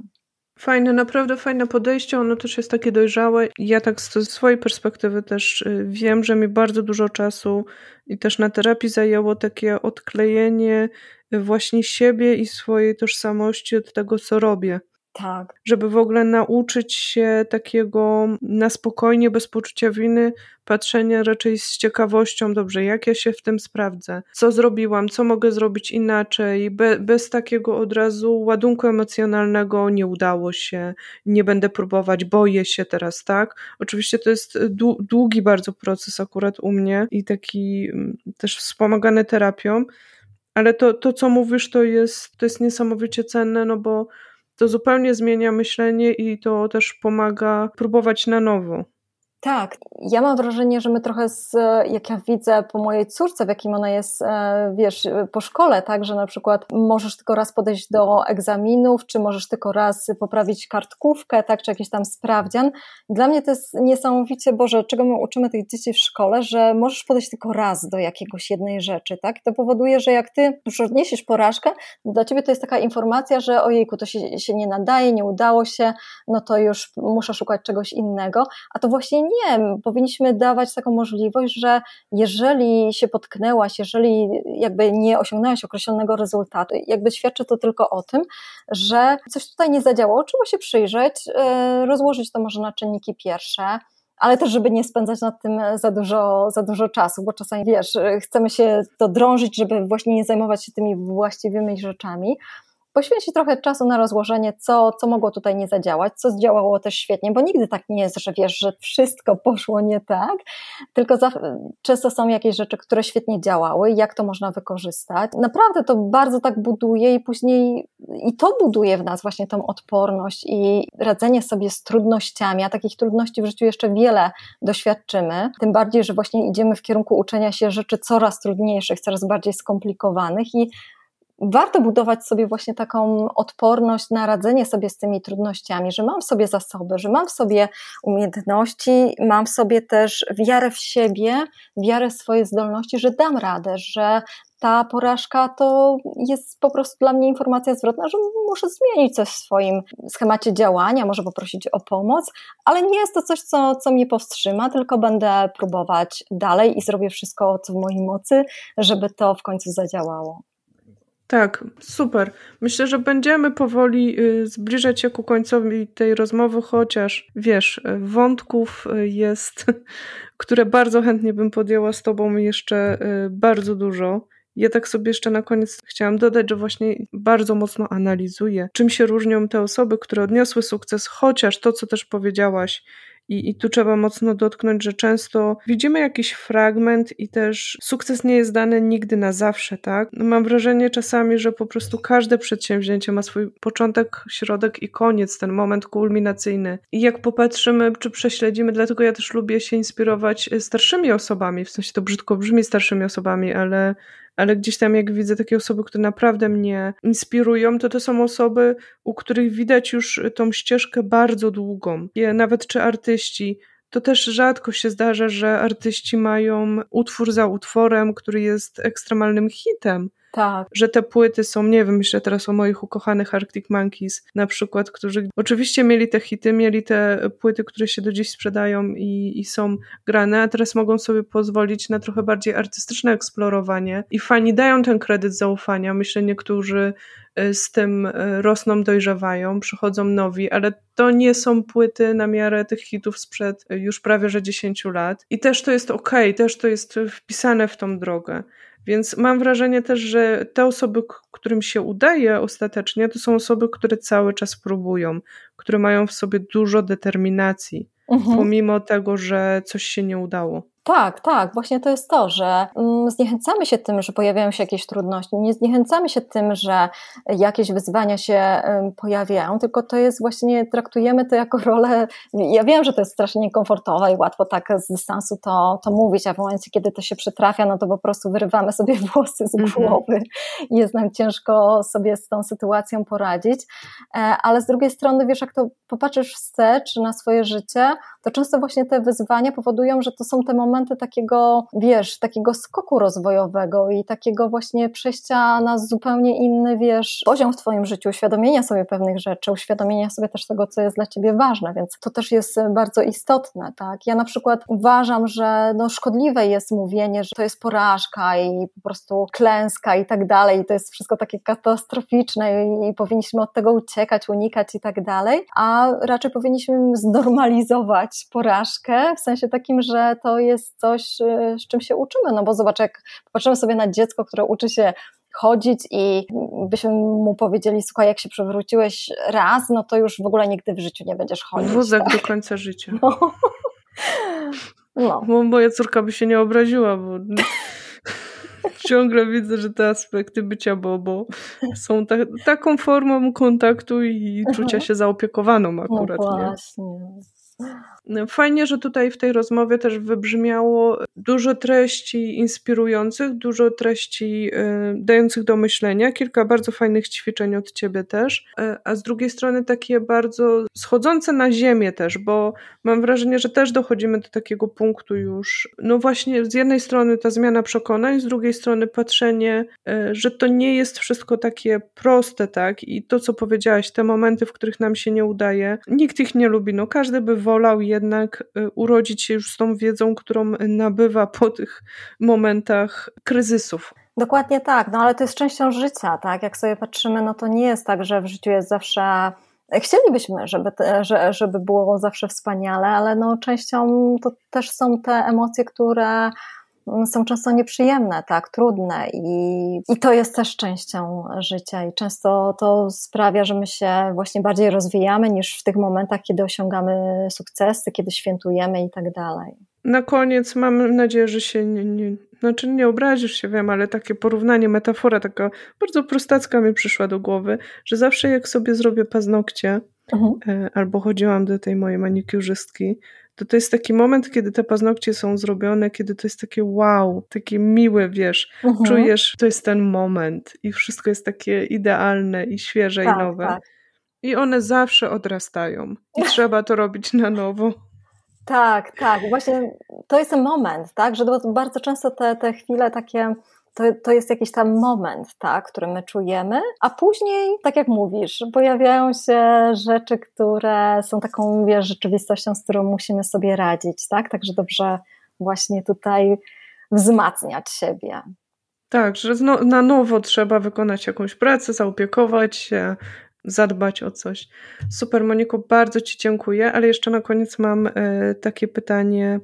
E, gdzie mogą Cię słuchaczki i słuchacze, bo ja też się otworzyłam na słuchaczy oficjalnie ostatnio, e, Wspaniale. rezygnując z podtytułu, ale też już stwierdziłam, że jakby oczywiście ta przestrzeń nigdy nie była zamknięta E, dla słuchaczy, ale żeby już wyjść z tej niszy dla kobiet. Gdzie mogą Cię znaleźć, e, gdzie można zgłębić te e, treści, bo u Ciebie też jest ogrom treści i ja tu muszę jeszcze tylko wejść, że my się znamy od bardzo, bardzo dawna poprzez właśnie czytanie swoich treści. Jesteś jedyną osobą, u której kupiłam dwa razy kurs ten sam. Nie jestem z tego dumna, ale pokazuje to, że przez tyle lat bardzo lubię czytać też swoje newslettery i wchodzić na Twojego bloga. Bardzo Ci dziękuję, Agnieszka. To są dla mnie bardzo, bardzo znaczące słowa. Ja jestem, wiesz, ja też Twojego podcastu słucham od e, zarania dziejów, odkąd tylko powstał, także jesteśmy bliska i w ogóle to jest niesamowite, że dopiero teraz gdzieś tam te nasze drogi, wiesz, się skrzyżowały na tyle, że spotkałyśmy się. Bardzo Ci dziękuję, że zaprosiłaś mnie do tego podcastu, bo tydzień wcześniej, dosłownie parę dni wcześniej, jak mnie zaprosiłaś, to ja sobie domyślałam, kurczę, Aga ma taki fajny, taki bez spiny ten, ten podcast, jak fajnie by było wystąpić sobie w takim podcaście. Otwieram hmm. pocztę, Widzisz? a tutaj zaproszenie od Agnieszki. Jeszcze okazuje się, że jest moją klientką, więc po prostu już cudowna, fantastyczna sprawa. Ja to mam po prostu niesamowite szczęście do fantastycznych klientów. Ale jeśli ktoś chce więcej tak treści ode mnie, czy zainteresowało czy ją e, treści związane z, ze zmianą zawodową, to zapraszam po prostu na moją stronę monikajuniewicz.pl. Zapraszam serdecznie. Super, ja osobiście też polecam newsletter, bo ja jestem w ogóle fanką newsletterów. W dobie social mediów to jest właśnie ten kanał, który jest dobrym kanałem też dla bardziej introwertycznych osób, czy które lubią sobie coś przemyśleć bo to nie jest takie szybkie, bombardujące, już, już pospieszające, tylko właśnie to jest coś, co wpada do skrzynki pocztowej i na spokojnie sobie tam czeka i można sobie zawsze wrócić. Super. I powiem Ci, że ja y, myślałam o zaproszeniu Ciebie do podcastu od bardzo długiego czasu. Po tym czasie myślę sobie, że może teraz to jest bardzo dobry moment, bo ja też y, patrzę trochę na ten temat y, z większym spokojem, więc myślę, że to będzie też bardzo fajny odcinek, taki naprawdę dla większości osób, które zastanawiają się o, nad zmianą pracy. Moje przekonanie jest takie, że chyba wszyscy no może wszyscy przesadzam, ale to jest, problem, to jest temat, który dotyczy bardzo dużej ilości osób. A teraz, y, kiedy nagrywamy tę rozmowę w listopadzie 2022 roku, myślę, że czeka nas duży przełom i jesteśmy w, w momencie takim kryzysowo przełomowym, w którym w ogóle temat pracy bardzo się zmienia. Tak, tak, myślę, że tak, że jak najbardziej jest to temat na czasie i w mniejszym lub większym stopniu gdzieś tam dotknie wszystkich, także warto nabywać te umiejętności. Ja to czasami nazywam taką inteligencją zawodową, tak? Umiejętność poruszania się na rynku, świadomość własnych mocnych stron swojego potencjału, także jest to jak najbardziej przydatne w życiu i mam nadzieję, że dzisiejsza rozmowa chociaż troszeczkę gdzieś tutaj przybliży ten temat e, Twoim słuchaczkom i słuchaczom. Super. To dziękuję Ci bardzo serdecznie i myślę, że być może też do usłyszenia jeszcze w jakimś odcinku. No, fantastycznie by było. Dziękuję Ci bardzo za tę rozmowę. Cudownie się z Tobą rozmawiało. Dziękuję także Tobie, słuchaczko, że byłaś z nami do końca tej rozmowy i tak jak mówiłam we wstępie, bardzo zachęcam Cię do podzielenia się własnymi przemyśleniami, które masz po wysłuchaniu tej rozmowy. Możesz to zrobić w komentarzu na stronie odcinka w związku z życiem.pl łamane przez 102 albo na Instagramie moje konto to Agnieszka Piekarska. Zachęcam do komentowania postu, który będzie wokół tego odcinka, albo do pisania do mnie bezpośredniej wiadomości. Wszystkie linki i odnośniki znajdziesz właśnie na stronie odcinka. Jeszcze raz bardzo zachęcam Cię też do zapisania się do klubu książkowego, który wystartował 7 listopada 2022 roku. Co dwa miesiące pojawia się nowa książka, klub jest bezpłatny i mailowy, także nieważne kiedy dołączysz, bo znajdziesz tam inspirację do czytania ciekawych książek, ciekawe tytuły oraz możliwość podzielenia się własnymi refleksjami. A może po prostu będziesz chciała dzięki temu klubowi znaleźć kilka chwil e, podczas swoich dni na podsumowanie przemyśleń, które pojawiają się po przeczytaniu książki, bo ja będę przesyłała Ci także pytania inspirujące takie przemyślenia. Taka jest idea tego klubu, żeby czytać i mieć czas na refleksję. I na koniec oczywiście ogromna prośba z mojej strony o zostawienie lajka, komentarza albo kilka słów dla algorytmu i oczywiście dla mnie, zwłaszcza jeśli słuchasz poprzez Spotify. Zostaw proszę jakąś recenzję. Tam słuchaczki mogą zostawić, dodać jakieś gwiazdki. To jest naprawdę niesamowicie też ważne, dlatego żeby podcast mógł e, zdobywać szerszą publiczność, mógł docierać do kolejnych osób, bo dzięki temu będzie nas więcej. To jest też ogromna motywacja oczywiście dla mnie, także ja czytam te wszystkie informacje, które tam się pojawiają. Także będę Ci bardzo serdecznie wdzięczna. A ja już dziś zapraszam Cię też na kolejny odcinek podcastu, który ukaże się w najbliższym czasie. Jeśli chcesz dostawać mailowe powiadomienie o nowych odcinkach, to zapisz się po prostu do newslettera. Ja w podziękowaniu za zapis do newslettera dodaję także link, który e, prowadzi do ukrytego, sekretnego, niedostępnego e, dla innych osób odcinka, w którym opowiadam o 22 książkach, które pomogły mi żyć bardziej autentycznie. Dziś życzę Ci już dobrego dnia lub wieczoru, zależnie od tego, kiedy słuchasz tego odcinka. Trzymaj się ciepło i do usłyszenia.